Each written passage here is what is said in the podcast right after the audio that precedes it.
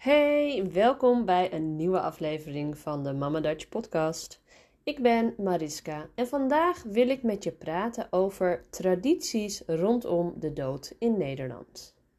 Maar voor ik dat ga doen, wil ik je even vertellen dat op 3 april mijn Ik Spreek Nederlands Challenge van start gaat. Vanaf die dag krijg je vier weken lang inspiratie, motivatie en informatie over het Nederlands in je inbox. Ik doe dat door video, audio, woorden, motivatie, uitdrukkingen, wat dan ook. Maar alles om jou te helpen om eindelijk echt Nederlands te gaan praten in jouw dagelijks leven. Met je collega's op je werk, met de juf op school, met je buren die naast je wonen of wat dan ook belangrijk is voor jou. Ik wil jou helpen om uit die spanning te komen en in jouw ware, coole zelf, die ook echt Nederlands kan spreken, te stappen. Doe je mee? Je vindt alle informatie op mamadutch.nl/slash challenge. Ik hoop je daar te zien. En nu door naar de podcast. Ik had een paar weken geleden een uitvaart.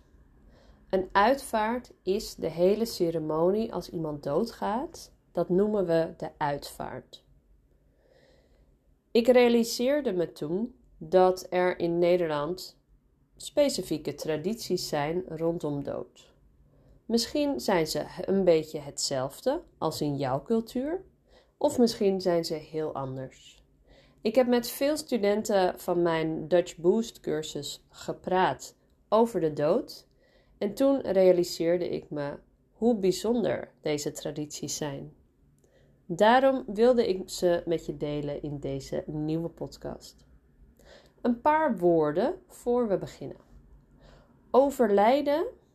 Overlijden is een ander woord voor doodgaan. De overledene.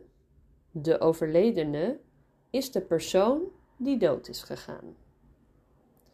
Dan hebben we dus een uitvaart. En een uitvaart is de hele ceremonie, de hele happening van uh, afscheid nemen. To say goodbye, afscheid nemen. Je kan een, een overledene begraven, to bury, in de grond. Of cremeren, in vuur. En dan nemen we afscheid. Wat er gebeurt in Nederland. Als iemand is overleden, komt de naaste familie samen. Ze regelen alles voor de uitvaart, meestal met een uitvaartcentrum of een persoon van het uitvaartcentrum.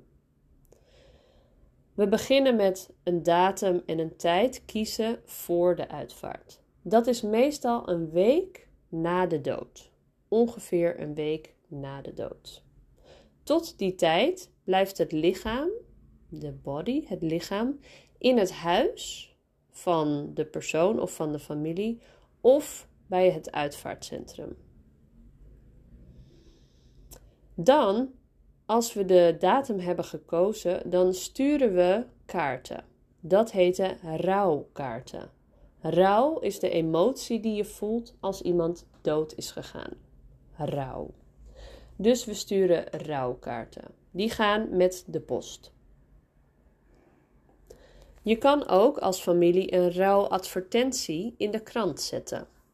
Daarin schrijf je de naam van de persoon, dat hij of zij is overleden en soms ook de datum en de tijd van de uitvaart, zodat mensen kunnen komen die het lezen in de krant. De mensen die achterblijven, de mensen die nog leven, die noemen we de nabestaanden de nabestaanden van de overledene. Zij regelen dus alles voor de uitvaart. Tijdens de uitvaart dragen we traditioneel zwart. We dragen donkere kleding. Tijdens de dienst zijn er altijd speeches, toespraken of speeches van de nabestaanden. Dit kan de familie zijn, de echtgenoot of de echtgenote, husband or wife, of uh, kinderen. Kan ook een collega zijn of een goede vriend. Maar meestal zijn er drie tot vijf speeches. Tussendoor zijn er veel foto's van de overledene en wordt er muziek gedraaid of muziek gespeeld die passen bij de overledene. Het is vaak een mooie dienst, maar Nederlanders blijven wel zitten. En dat vind ik soms een beetje lastig, uh, complicated.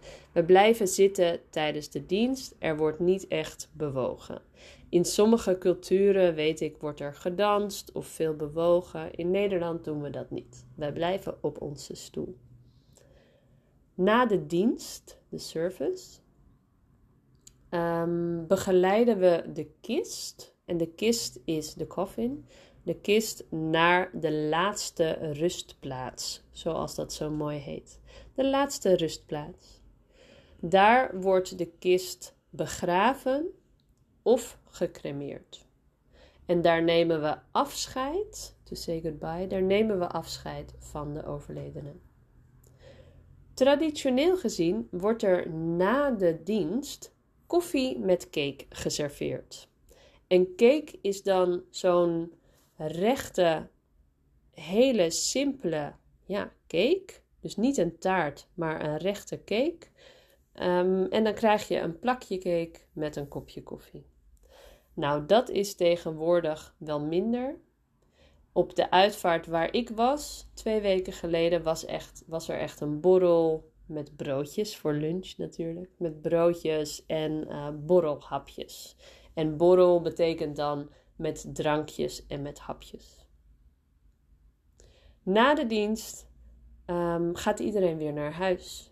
Dus er is niet een heel groot samengevoel. De familie, de directe familie, blijft misschien wel samen, maar het is niet zo dat iedereen na de dienst nog samenkomt. Nee, na de dienst geef je de familie rust en kom je af en toe nog langs of neem je contact op met hoe het gaat met de familie. Dit is in het kort hoe we in Nederland de dood ervaren. Ik ben benieuwd, wat zijn de tradities uit jouw cultuur? Laat je het me weten? Je kan me vinden op Instagram at mamadutch.teacher of je kan antwoorden op de Q&A hieronder de aflevering. Super leuk om van je te horen. En op naar de volgende aflevering. En vergeet niet om de challenge te checken. Super leuk als je meedoet. Doei doei!